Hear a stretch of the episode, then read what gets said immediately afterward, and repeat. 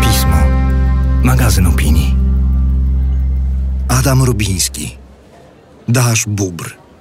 Czyta Miło Streczek. Słuchasz tekstu opublikowanego na łamach miesięcznika Pismo, magazyn opinii. Na stronie magazynpismo.pl znajdziesz więcej inspirujących treści, także w wersji audio. Wykup prenumeraty, aby zyskać dostęp do wszystkich artykułów, ilustracji i nagrań. Największym problemem bobrów jest to, że nie wystawiają faktur, nie biorą dotacji, a od ich zbawiennej działalności nie rośnie PKB. Droga do świata bobrów biegnie w cieniu dendrologicznej anomalii. Od lat ogławianej wierzby, w której drewnie zadomowiła się gruba brzoza. Biały pień strzela ze zgrubianej łoziny jak minaret w bliskowschodnie niebo. Drzewo rośnie na drzewie. Tak to właśnie wygląda.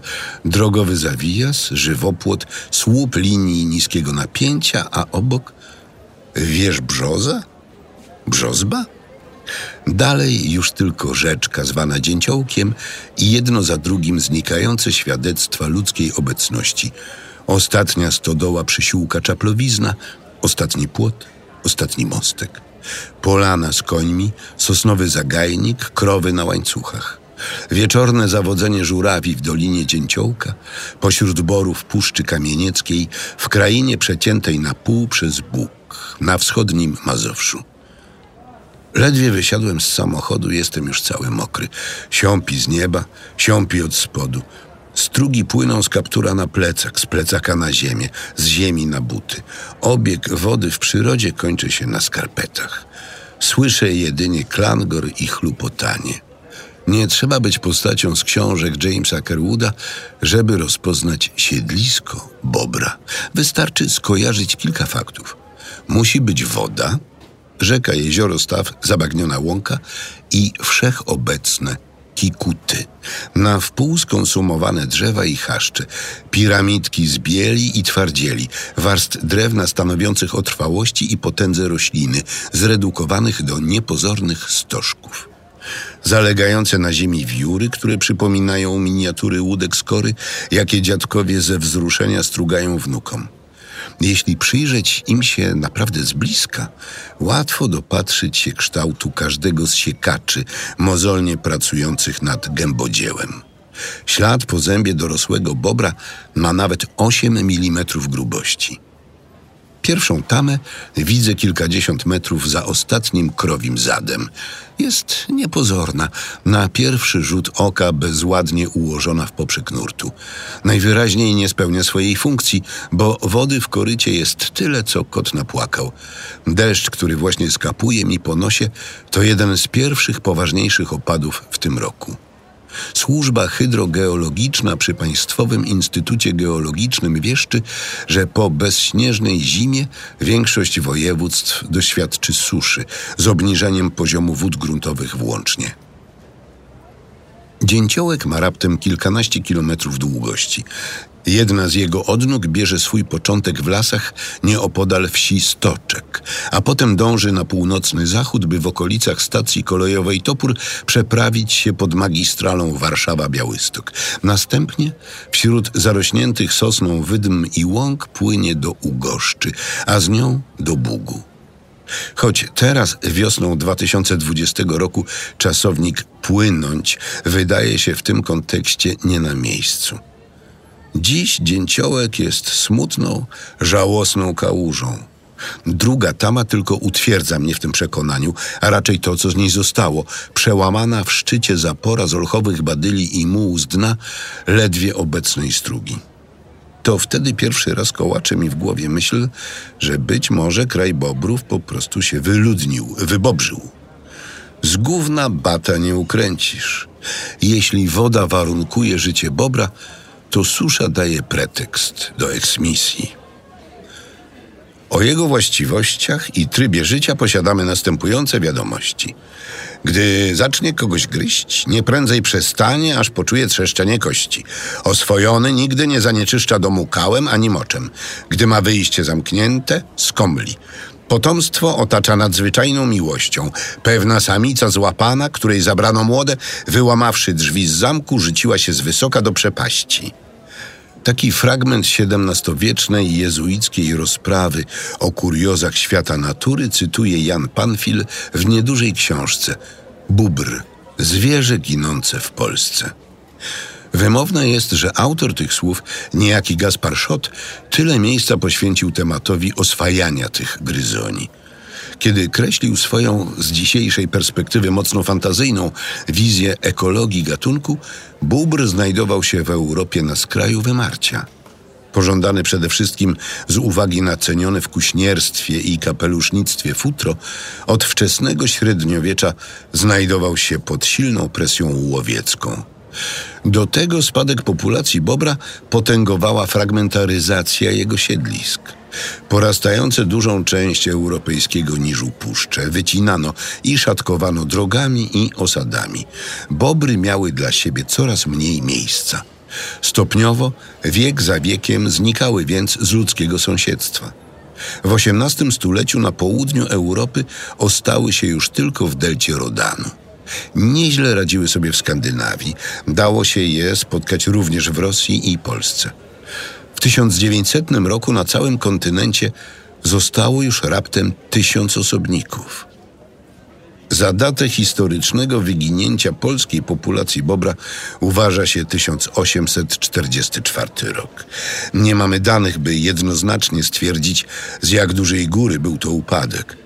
Są tylko kartograficzne poszlaki – Wszystkie te bobrowce, bobrowniki, bobrze, bobrzany i tym podobne nazwy do dziś obecne na mapach. Badania archeologiczne, które pozwoliłyby nadać historycznym danym wymiar jakościowy, siłą rzeczy dotyczyć mogą jedynie pojedynczych siedlisk. Niemniej obecna dynamika populacji, jej rozrost i migracje każą wierzyć, że przed średniowieczem każdy ciek wodny na terenach dzisiejszej Polski zasiedlony był przez co najmniej jedną bobrzą rodzinę. Utwierdzić w tym przekonaniu mogą relacje z Atlantyku. Choć fizyczne różnice są pomiędzy nimi marginalne, bubr euroazjatycki i bubr amerykański to różne gatunki, które się nie krzyżują. Jak udowadniają w artykule z 2015 roku David Butler i George Mallenson, w przededniu kolonizacji w Ameryce Północnej znajdowało się od 15 do 250 milionów bobrowych stawów. Ten szacunek w obrazowy sposób rozwinął Ben Goldfarb w książce Iger Zaskakujące, sekretne życie bobrów i dlaczego mają one znaczenie. Jeśli przyjąć średnią 150 milionów i założyć, że każdy ze stawów miał powierzchnię 40 arów, na to uproszczenie pozwalają współczesne obserwacje, okaże się, że zalewiskami pokryte było ponad 600 tysięcy kilometrów kwadratowych kontynentu. To więcej niż powierzchnia Nevady i Arizony razem wziętych. A więc, jak przekonuje Goldfarb, bobry były siłą krajobrazu twórczą o skali kontynentalnej.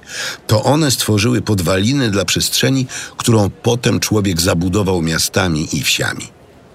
Kilka historycznych dokumentów uzmysławia potęgę tego dawnego państwa bobrów. Jednym z nich jest odręczna mapa wykonana w 1868 roku na zamówienie Louisa Henry'ego Morgana, amerykańskiego antropologa i przedsiębiorcy.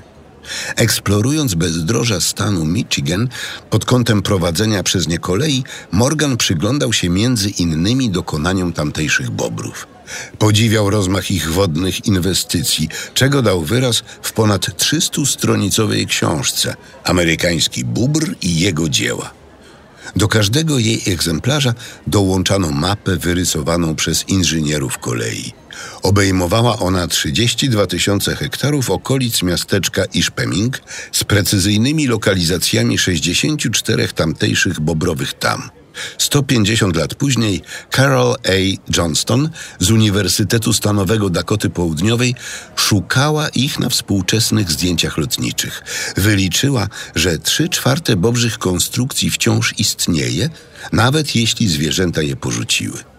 Być może półtora wieku trwania wytworu zwierzęcych łap nie zrobi na kimś wrażenia, ale ponad tysiącletnia metryka już musi. Odsłonięta przez powódź w latach 80. ubiegłego wieku Tama na jednym z dopływów rzeki Sacramento w Kalifornii powstała mniej więcej wtedy, gdy w Europie Środkowej słowiańskie plemiona dopiero przekraczały linię Wisły. Badania dendrochronologiczne wykazały, że zbudowano ją około 580 roku, a jej istotne części naprawiane były co najmniej dwukrotnie, około roku 1730 i 1850. Partenon świata Bobrów. Jechaliśmy od szóstej rano do drugiej po południu na czczo. Smród, jaki bił od naszych postaci, wykluczał postój przy jakimkolwiek chodniku, a o wchodzeniu do sklepu w ogóle nie mogło być mowy. Całe szczęście, że radziecki samochód terenowy pokryty plandeką miał znakomitą, acz niekontrolowaną wentylację, co zresztą dodatkowo wymrażało nas. Trzech świeżo pasowanych łowców bobrów. Zwierząt w aucie było siedem i, jak wspomina Piotr Topiński, autor powyższych słów opublikowanych w książce Kampinoskie Bobry, podczas sześciogodzinnej podróży z Suwalszczyzny do podwarszawskiej Puszczy wszystkimi otworami w ciele próbowały manifestować swoje możliwości zapachowe. Bobry defekowały, sikały i brudziły pakę auta Castoreum, bobrzą wydzieliną używaną do oznaczania rodzinnego terytorium.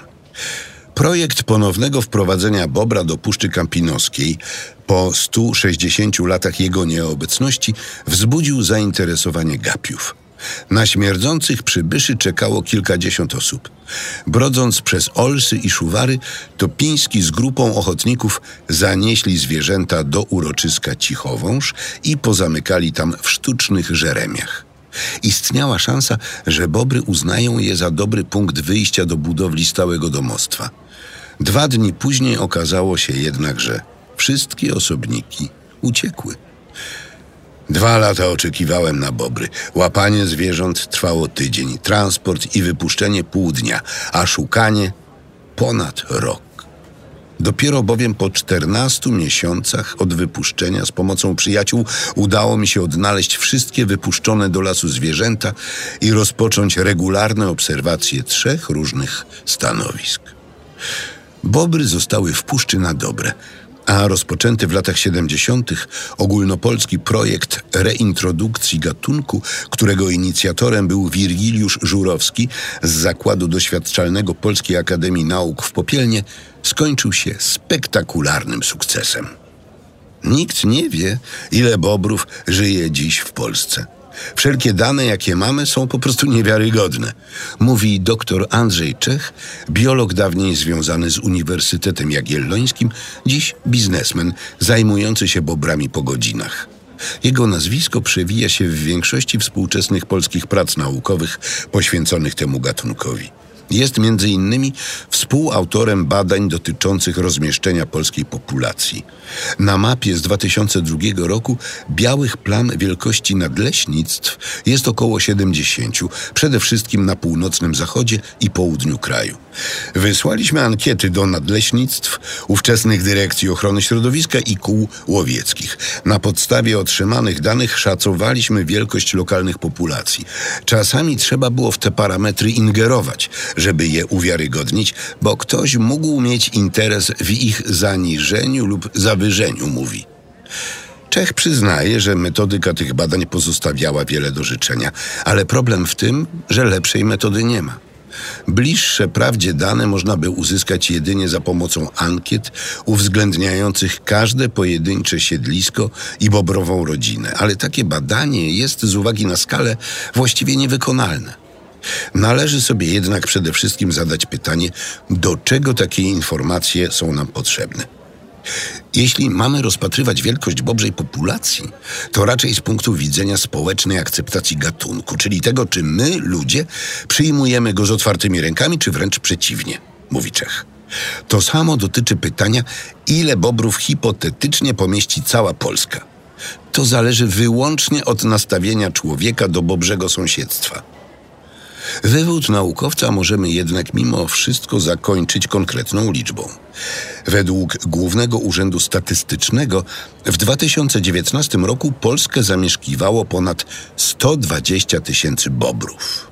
Mniej więcej. Siekacze bobra są jaskrawe jak skórka przejrzałej pomarańczy. Rosną przez całe życie, więc piłowanie i zgryzanie ma w sobie coś z zabiegów stomatologicznych. Nacisk dwóch par bobrowych siekaczy może sięgać nawet kilku ton na centymetr kwadratowy, w sam raz, by powalić gruby dąb.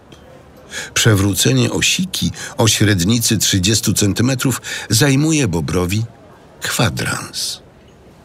Ale człowiek nie musi się bać tych imponujących ostrzy. Z tym trzeszczeniem kości autor wspomnianej wcześniej jezuickiej rozprawy trochę się zagalopował. Postawiony pod ścianą bóbr będzie syczał i improwizował ucieczkę. Tylko na takie formy agresji stać zwierzę, które na lądzie zachowuje się równie nieporadnie jak otyły jamnik. Co innego w wodzie. Najmniejszy powód do niepokoju owocuje stanowczym pluśnięciem ogona o taflę. Taki alarm działa na wszystkie bobry w okolicy, jakby ktoś w lesie tłukł o siebie garnkami. Głównie dlatego mało kto lubi polować na bobry, mimo że gatunek jest tylko pod częściową ochroną. Demontować tamy? Tak. Demolować żeremia? Jasne. Ale żeby ładować ołów w otchłań rozlewiska? Przecież potem trzeba jakoś znaleźć i podnieść postrzałka, zamoczyć golenie, zanurkować w mule, pobrudzić się i liczyć na łód szczęścia. Raz na parę lat regionalne dyrekcje ochrony środowiska podejmują decyzje o masowych odstrzałach bobrów, ale one rzadko kiedy są wykonywane, przekonuje Czech. W grudniu ubiegłego roku mazowiecki Rdoś polecił kołom łowieckim z Płocka, Radomia, Siedlec, Ostrołęki i Ciechanowa w trzy lata wybić półtora tysiąca osobników. Takie pomysły nie mają sensu ani biologicznego, ani ekonomicznego. To jest działanie wyłącznie propagandowe. Pokazuje się opinii publicznej: patrzcie, przecież pozwalamy strzelać, coś więc z tymi bobrami robimy. A potem i tak prawie nikt nie strzela. W XXI wieku nikt nie nosi już kapeluszy z futra bobra. Dla miłośników krwawych łowów nie jest też trofeum, które warto powiesić na ścianie. Dlatego fizjonomię tego zwierzęcia możemy dokładniej prześledzić przede wszystkim na zdjęciach. Przednie łapy ze zręcznymi palcami, tylne z błoną pławną, ogon pokryty łusko podobnym naskórkiem, szeroką spłaszczoną od góry głowę i to, że nozdrza, uszy oraz oczy, receptory trzech najważniejszych zmysłów, położone są na jednym poziomie. Łatwo dzięki temu kontrolować sytuację, wystawiając z wody jedynie czubek głowy. Tyle też najczęściej zobaczymy, wybierając się na bóbr watching. Idę doliną Dzięciołka na południe. Kilkaset metrów za zniszczoną tamą zaczyna się las. Typowa dla tego kawałka kraju sośnina rosnąca na piachach, którą tysiące lat temu przytargał tu z dalekiej północy lodowiec. Bobrom nie tylko nie przeszkadza surowość tego krajobrazu, ale wręcz doskonale się w nim odnajdują. Ich podstawowym schronieniem są drążone w stromych brzegach rzek tunele i jamy. Tam, gdzie rzeźba terenu nie sprzyja kopaniu, powstają żeremia, widowiskowe bobrze domy z gałęzi, mułu i wszystkiego innego, co się nawinie. W takich konstrukcjach znajdowano już najróżniejsze ślady świata ludzi, z protezą nogi włącznie. Żeremie powstaje zwykle w ekspresowym tempie. W parę tygodni po zasiedleniu może mieć nawet dwa metry wysokości. W kolejnych latach jest naprawiane, wzmacniane, rozbudowywane. Wszystkie pozostałe cuda bobrzej inżynierii z zaporami na czele to tak naprawdę zabezpieczenia domostwa. Tamy spiętrzają wodę, by pod jej powierzchnią można było ukryć wejście do żeremia lub nory. Komory, w których przebywają zwierzęta, znajdują się zaś nad wodą. Istnieją wręcz tezy, jakoby bobry miały inżynierię zapisaną w genach. Szwedzki zoolog Lars Wilson, który w latach 60. ubiegłego wieku przygarnął pod swój dach cztery świeżo narodzone bobrzątka, relacjonował, że na sam dźwięk bieżącej wody zwierzęta zaczynały budować prowizoryczne tamy w poprzek pokoju. Współcześni badacze na takie sensacje reagują jednak przeważnie wymownym milczeniem. Nie jest też prawdą, jakoby bobry za wszelką cenę starały się naprawić każdą nieszczelność. Jeśli mimo przeciekania zapora trzyma odpowiedni poziom wody, to im to zwykle wystarcza. Po paru minutach docieram do pomnikowego jesionu. Deszcz spływający po zielonej koronie jest głośniejszy od autostrady. Niedaleko stoi myśliwska ambona, zupełnie nie na miejscu w tym bezludnym otoczeniu. Zaraz za jesionem drogę i rzekę rozdziela pas młodych olch i wysokiej trawy. Kikuty ściętych drzew przebarwiły się z wiekiem na ciemny bursztyn i ponurą szarość. Moja obecność płoszy trzy sarny z polany na przeciwnym brzegu. Wreszcie dostrzegam zaporę, która zupełnie zmienia obraz rzeki. Mrowie badyli wciśniętych w wąskie gardło koryta. Jest szczelna, gdyż zaraz za nią dzięciołek robi się pokaźnym, szerokim na trzy metry bajorkiem. Oto bobry w działaniu. Rzeka jednak się nie wybobrzyła. Od rzecznika prasowego nadleśnictwa Łochów dowiem się po tym, że na dalszym odcinku Dzięciołka, który biegnie samopas przez las, jest jeszcze sześć aktywnych tam. Bobry nie lubią rzucać się w oczy. Zobacz, ślady psa. To, że tu wlazł, jeszcze o niczym nie świadczy, ale obok są podeszwy. Cały czas ktoś się tu kręci i kombinuje i nie wiesz, jakie ma zamiary. Wczoraj było tu zatrzęsienie ludzi, jak na jarmarku. Roman Głodowski kuca przy tamie półtora metrowej wysokości i analizuje jej przyrost z ostatniej nocy. Tu dołożyły gałęzie, chyba z tego krzaka. Wczoraj tama y, była taka bardziej hm, regularna, ładnie obłożona błotem, a jeszcze dwa tygodnie temu zupełnie zniszczona. 8 kwietnia ktoś przyjechał ciągnikiem z łyżką i wywalił całą tamę, fragment po fragmencie, na drugą stronę drogi. Zaraz potem, 12 kwietnia, zapora była jak nowa. Dlaczego ktoś to robi? W czym mu przeszkadzają bobry? Przecież na drogę też nic się nie wylewa. Spotykamy się kilkanaście kilometrów za górą Kalwarią na rozległym mokradle o malowniczej nazwie Całowanie. Jesteśmy we troje. Głodowskiemu towarzyszy Monika Główka. Oboje są aktywistami działającymi w stowarzyszeniu Nasz Bubr. Kiedy proszę o spotkanie, od razu sugerują wycieczkę na całowanie. To taka mazowiecka biebrza, krajobraz stojący bogactwem ekosystemu na styku lądu i wody. Tysiące lat temu obozowali tu neolityczni łowcy reniferów. Dziś, kilka razy w roku, przede wszystkim wiosną, w szczycie ptasich migracji, Mokradło przypomina popularny kurort, w którym trudno o wolne miejsce. Miłośnicy podglądania ptaków uzbrojeni w lunety i teleobiektywy w ciszy czają się na kładkach wyniesionych ponad powierzchnię bagna. Kiedy znikają, a obiekty ich zainteresowania chowają się na noc w trzcinowiskach, całowanie przemienia się w bobrową metropolię. Bobry notuje się tu co najmniej od 2005 roku, a ich populacja urosła już do co najmniej 20 rodzin. Żeremie stanowi zwykle dom dla trzech pokoleń. Gdy na wiosnę rodzą się młode, dwuletnie bobry, dotychczas grzejące się w cieple rodzinnej nory, rozpoczynają życie na własną rękę. Niektóre znajdują sprzyjające siedlisko rzut beretem od rodziców, inne migrują nawet na kilkadziesiąt kilometrów. W typowej bobrzej rodzinie pod jednym dachem żyje średnio 8-10 osobników. Populacja całowania zbliża się więc do dwusetki. Żeby unaocznić mi rozmiar żeremiowego miasta, Głodowski i Główka prowadzą mnie na wieżę obserwacyjną, a potem celują palcami w przeżółkłe trzcinowiska i wyliczają. Tu jedna rodzina, tam jedna, przy kępie większa, po prawej stronie tych krzaków mniejsza. Przy krzaczorach bliżej nas kolejna, tam co najmniej jedna i tu przy drodze też. Po drugiej stronie co najmniej kilka, przy samej kładce cztery. W tym lasku też musi być jakieś żeremie, bo kiedyś słyszeliśmy stamtąd pracujące bobry. Takie skupisko to żaden ewenement. Po prostu na ciekach wodnych większość zwierząt siedzi w burtach, w brzegach. A tu jest płasko jak stół, więc muszą stawiać żeremia, które o tej porze roku widać jak na dłoni. Tyle żeremi możemy zobaczyć, zastrzega Głodowski, ale przecież tu jest jeszcze mnóstwo przestrzeni, do której nie mamy wstępu.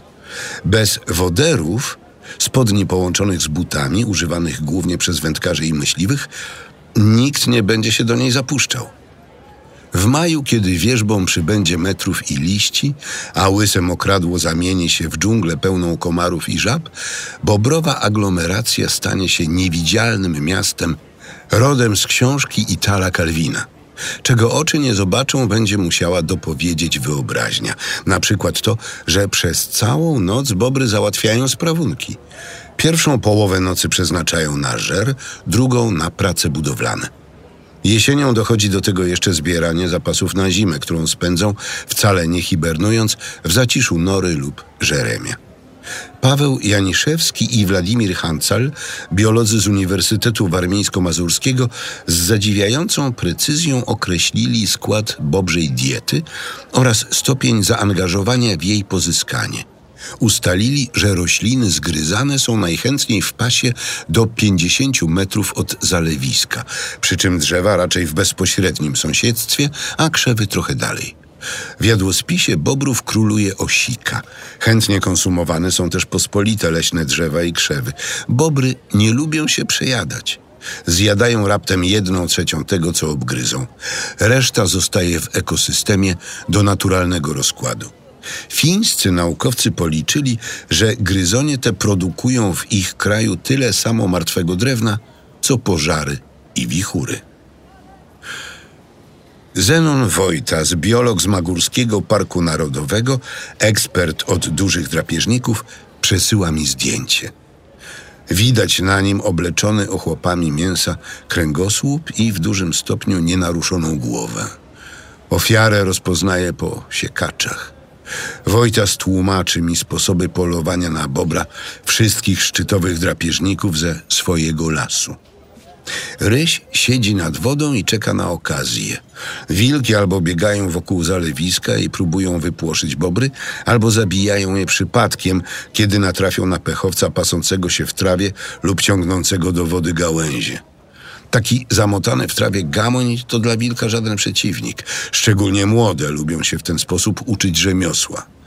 Ale najciekawszą anegdotę Wojtas zostawia na koniec.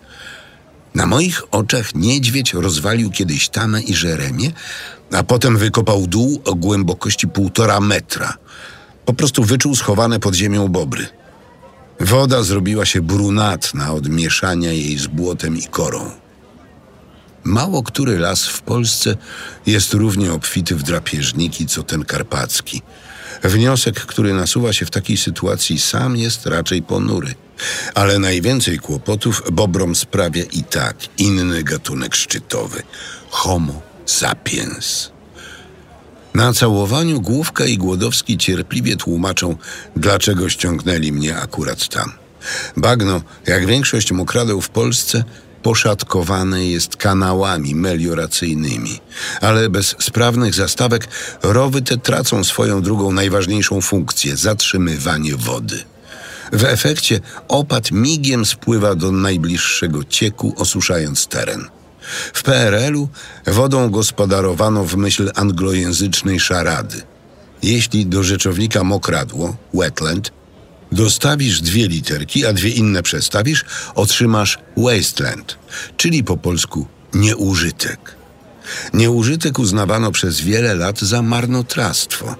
Dziś, zmagając się z coraz częstszymi suszami, płacimy za to rozumowanie wysoką cenę. Nauczyliśmy się od bobrów jedynie budować tamy. Z ich konserwacją radzimy sobie już gorzej. Poza tym moglibyśmy podpatrzeć o wiele więcej, mówi Głodowski. Tych rowów, które kopaliśmy po wojnie, gdzie się dało, skoro już są, nie ma co zasypywać. Możemy ponaprawiać zastawki i mieć zretencjonowaną wodę na rozproszonym terenie. Tu, na miejscu, a nie 50 kilometrów dalej w gigantycznym sztucznym zbiorniku. Ale możemy też pozwolić to samo zrobić bobrom, dodaje. A ja widzę żywą ilustrację jego słów. Dziurawy betonowy murek z uszkodzoną grodzią oraz świeżą kameralną tamę parę metrów od niej. Obok czarne od zawiesiny bajoro. Nówka sztuka. Pięć dni temu jej nie było. Zastawka nieczynna? Proszę bardzo, przyszły i ogarnęły. Wy nie potraficie, to zrobimy za was. Wysokie tempo inwestycji, zauważam. Gdyby zgłosiły się do RDOŚ, ciągle czekałyby na pozwolenia, śmieje się Głodowski. Efektem tej partyzantki nie jest tylko kupa gałęzi na wodzie. Najważniejsze jest nasączenie gleby na głębokości korzeni roślin. Owszem, czasem zdarzy się, że zapora za bardzo spiętrzy wodę, która rozleje się po okolicy. Ale można zamontować przy tamie rurę, która będzie utrzymywać wodę na stałym poziomie, takim, który zadowoli obie strony, to znaczy zaleje wejścia do nor, ale poza stawem utrzyma wodę pod ziemią. Za to jeśli rozebrać tamę, wszystko wyschnie. Poza tym zwierzę, któremu rozwalono tamę, nie naprawi jej z porozrzucanych tu i ówdzie gałęzi, tylko zacznie ciąć nowe drzewa, mówi Głodowski. Jeśli rolnik się wkurza, że bobry przewaliły mu trzy drzewa i niszczy im tę tamę, to efekt będzie taki, że wywalą mu trzy kolejne. Po paru takich akcjach zostanie bez drzew i będzie opowiadał, że stracił je przez bobry. Tymczasem, gdyby tej tamy nie niszczył, miałby i drzewa, i zretencjonowaną wodę w gospodarstwie. Stowarzyszenie Nasz Bóbr szacuje, że w mocy jest dziś mniej więcej 1400 wiążących zgód regionalnych dyrekcji ochrony środowiska na wielokrotne niszczenie bobrowych tam. Niektóre dotyczą konkretnej działki ewidencyjnej, inne całego obrębu lub określonego odcinka rzeki. Bóbr europejski to gatunek charakteryzujący się dużą pracowitością. Jedna rodzina może zbudować w czasie objętym zezwoleniem wiele tam. W takiej sytuacji trudno stwierdzić, czy mamy do czynienia z jednym stanowiskiem, czy wieloma. Tłumaczy mi w mailu Agata Antonowicz, rzeczniczka RDOŚ w Warszawie. Spośród 181 takich decyzji wydanych w 2019 i do połowy bieżącego roku, na samym tylko Mazowszu beneficjentem 58 jest Państwowe Gospodarstwo Wodne Wody Polskie. Oto skala legalnej wojny ludzi z bobrami. Rozmiaru tej nielegalnej, spowodowanej sporadycznym zalewaniem pól i wycinaniem drzew, ocenić się nie da. To są wszystko dramatyczne sytuacje. Ci, którzy niszczą siedliska, nie zastanawiają się, czy bobry będą miały gdzie się podziać. Tymczasem takie przepędzanie prowadzi do tego, że zwierzęta osiedlają się w coraz bardziej kłopotliwych dla człowieka miejscach, puentuje główka. Słońce chowa się za sosnami. Opieram lornetkę o poręcz kładki. Obok przysiada pliszka siwa. Jej żółta krewna buja się na pałce wodnej. Dorosły czarny bóbr przepływa pod kładką, a potem w ciszy wieczoru bierze się do roboty. Przestajemy nawet szeptać. Dyktafon zbiera tylko trele i piłowanie. Z dala od trosk i spięć nad wyludnionym dzięciołkiem sterczę nad największą z tutejszych tam i czekam, żeby zobaczyć bobry przy pracy. Do zachodu słońca nic się jednak nie dzieje, a deszcz skłania do odwrotu. Mimo to wieczór uważam za całkiem udany. Sarny przestałem liczyć po pierwszym tuzinie. Do pary żurawi podszedłem na kilkadziesiąt metrów. Kunę najpierw pomyliłem z wiewiórką, ale potem doszacowałem jej wielkość. Lisa widziałem jeszcze z samochodu, więc się nie liczył. Najwyraźniej mimo ulewy zabobrzona rzeka działa na zwierzęta jak magnes. My, ludzie, nie mamy zielonego pojęcia o tym, jak powinien wyglądać w pełni funkcjonalny, zdrowy ekosystem. Uważa wspomniany wcześniej Goldfarb. Działamy na nos. Domyślamy się albo uczymy na własnych błędach. Być może bobry przeszkadzają nam zatem dlatego, że są twórcami pozornego chaosu, zwalonych drzew, nieogarniętej wegetacji, przerwanego biegu strumieni. Ale to, co nam zdaje się bałaganem, jest w rzeczywistości, jak przekonuje Goldfarb, obrazem złożonych relacji w ekosystemie, w którym prawie każdy pływający, chodzący i pełzający organizm odnosi jakąś korzyść. Amerykanin James Stratton opisał tę prawdę jednym zgrabnym zdaniem. Bobrowy staw to coś więcej niż tylko akwen zaspokajający potrzeby rodziny bobrów. To epicentrum dynamicznego ekosystemu. Jeszcze inny autor książek o przyrodzie, Arkadiusz Szaraniec, skompresował ją do zaledwie dwóch słów. Dasz bur, tak pozdrawiają się ci, którzy chodzą do lasu uzbrojeni jak na wojnę. Dasz bubr, tak powinni, zdaniem szafrańca, wołać wszyscy pozostali. Bo korzyści wynikających z bobrzej działalności jest o wiele więcej niż tylko usprawnienie gospodarowania wodą. Jak wykazali naukowcy na podstawie badań w stanie Maryland, bobrowe tamy obniżają spływ azotu i fosforu do morza o jedną piątą. Z kolei Belgowie udowodnili, że zabobrzona rzeka Urt Oriental wylewa prawie dwa razy rzadziej, odkąd mieszkają w niej bobry. Różni inni naukowcy pokazali też, że łabędzie trębacze zakładają na żeremiach gniazda, bo chroni to ich młode przed drapieżnikami. Bobrowe zalewiska obradzają wrzółwie i jaszczurki. Bobry o jedną trzecią zwiększają różnorodność gatunkową przybrzeżnych roślin. W sąsiedztwie Bobrzych Tam kwitnie życie ryb i płazów. Można tak długo wymieniać. Co prawda bobrom często zarzuca się niszczenie wałów przeciwpowodziowych, ale szczegółowa analiza każdego takiego przypadku każe się zastanowić, czy to nie typowy przykład zwalania winy na słabszego. Jeśli wał znajduje się blisko rzeki, to jasne, bóbr może kopać w nim jamy i powodować jego punktowe osłabienie. Wiadomo, że nie robi tego specjalnie, by zrobić nam na złość, mówi Czech. Ale sęk w tym, że wały są często mocno zaniedbane, słabe. Nikt ich nie konserwuje. Kiedy dochodzi do przerwania wału, najłatwiej uznać, że winny jest bóbr, a nie człowiek. Tymczasem zamiast przerzucać odpowiedzialność na bobry, można takim przerwaniom zapobiegać. Po pierwsze, pamiętając o konserwacji wałów, a po drugie, oddalając te wały od wody, co na zachodzie powoli staje się normą. Jednym z pomysłów na uzmysłowienie tego wszystkiego Polakom jest powołanie sieci społecznych bobrowniczych, czyli specjalistów i hobbystów, którzy nawiązując do średniowiecznej profesji, doglądaliby konkretnych stanowisk bobrowych. Prowadziliby monitoring, rozwiązywaliby konflikty na linii bóbr-człowiek i proponowali rozwiązania.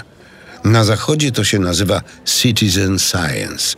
Oddolny, niezinstytucjonalizowany ruch, który dzięki wolontariatowi i zapałowi fascynatów tematu pozwala prowadzić badania na dużą skalę. Nie chodzi tu o same bobry. One są jakie są. Przebadano je na wszystkie strony i nikt w ich kontekście Ameryki już nie odkryje, tłumaczy Czech, jeden z pomysłodawców funkcji społecznego bobrowniczego. Ale warto skupić się na ich cechach, które w tak pozytywny sposób wpływają na otoczenie bo bóbr jako zwierzę zagrożony nie jest.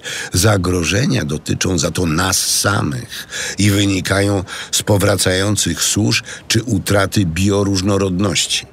Bóbr może nam pomóc.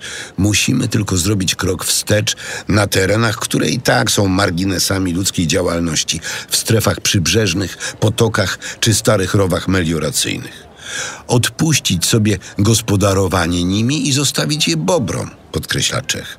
Ale zaraz potem, jakby chcąc przytemperować własny optymizm, dodaje: Problem w tym, że to nic nie kosztuje. A jeśli coś jest za darmo, nie wymaga kosztownych inwestycji, planów i programów, to znaczy, że nikt na tym nie zarobi. Skoro retencja zrobi się sama, bioróżnorodność będzie rosnąć powoli, ale skutecznie, również bez naszego udziału, to nie będzie komu spić śmietanki. Nie zarobią ani projektanci, ani nawet operator koparki. A to przecież nimi robi się biznes, nimi zwiększa się PKB, nie bobrami. To smutna puenta, która wiele mówi o naszym świecie. Problemem bobrów jest to, że nie wystawiają faktur, nie biorą dotacji, a od ich zbawiennej działalności nie rośnie PKB. Gdyby jednak chcieć wycenić ich pracę, musielibyśmy, według wyliczeń WFF Polska, płacić im rocznie około 100 milionów złotych. W każdej brzozowej szyszeczce znajduje się kilkaset nasion, które pod koniec lata rozsypuje wiatr. Choć brzoza w kwestiach glebowych nie jest wybredna, zakiełkują tylko nieliczne jej nasiona, często jako rośliny pionierskie na zrębie czy łysej wydmie. Czasem, może wtedy, gdy Eol dopuści się flirtu z Artemis, długi lot zakończy się w środku spróchniałego pnia innego drzewa. Na przykład w bulwiastej, wiklinowej głowie. Niedługo potem może się okazać, że drobinka puści pędy, splatając się z drzewem w braterskim uścisku. To nie będzie żadna patologia czy pasożytnictwo. Każdej wiosny oba drzewa wypuszczą zielone liście, dając sobą wyraz pokojowej koegzystencji. Przyroda zna zresztą więcej przykładów mutualizmu, czyli relacji, w której żadna ze stron nie czuje oddechu sąsiedzkiej konkurencji na plecach. Wręcz przeciwnie. Międzygatunkowa współpraca każe obu kwitnąć. Od lat dziewięćdziesiątych ubiegłego wieku wiemy, że ilustracją tej tezy jest każdy las – Głęboko w glebie korzenie drzew i strzępki grzybni splatają się w uniwersalną sieć, wzajemnie karmiąc się glukozą, fosforem i azotem. Podmiotem w tej plątaninie, nazwanej przez kanadyjską botaniczkę Susan Simard mianem Wood Wide Web, leśnego internetu, jest każdy żywy organizm, bez dookreślania jego przynależności gatunkowej. Wiosnę roku pandemii spędzam w świecie bobrów. Zapuszczam się weń bez opamiętania przy każdej możliwej okazji. Na wycieczkach wypatruję zgryzień. Analizuję zmyślną architekturę tam. Podziwiam tempo ich powstawania. Godzinami oglądam nagrania z fotopułapek.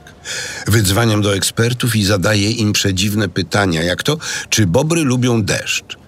Andrzej Czech raczej niechętnie wychodzą wtedy na brzeg. Uprawiam bubr watching. O zmroku tkwię nad żeremiami, czekając na znajome pofałdowania wody. Mało co cieszy mnie tak, jak widok łuba, który niczym cień chmury bezdźwięcznie rysuje tafle. Albo charakterystyczne piłowanie niosące się z wikliny, albo głośny plusk, kiedy zdradzi mnie nieporadność. Wreszcie na progu lata dochodzę do wniosku, że to zupełnie nie tak. Świat Bobrów to nie ostatnie wioski Galów, otoczone ze wszech stron garnizonami Cesarstwa Rzymskiego. Tak naprawdę nie ma żadnego świata Bobrów. W naszym dobrze pojętym interesie leży to, by nie było między nami a nimi żadnych granic czy linii demarkacyjnych. Zresztą miejscami, tam gdzie spodziewalibyśmy się tego najmniej, one i tak już dawno się zatarły. A widok bobra penetrującego zarośla pośród plażowiczów na praskim brzegu Wisły w Warszawie nie jest niczym szczególnym.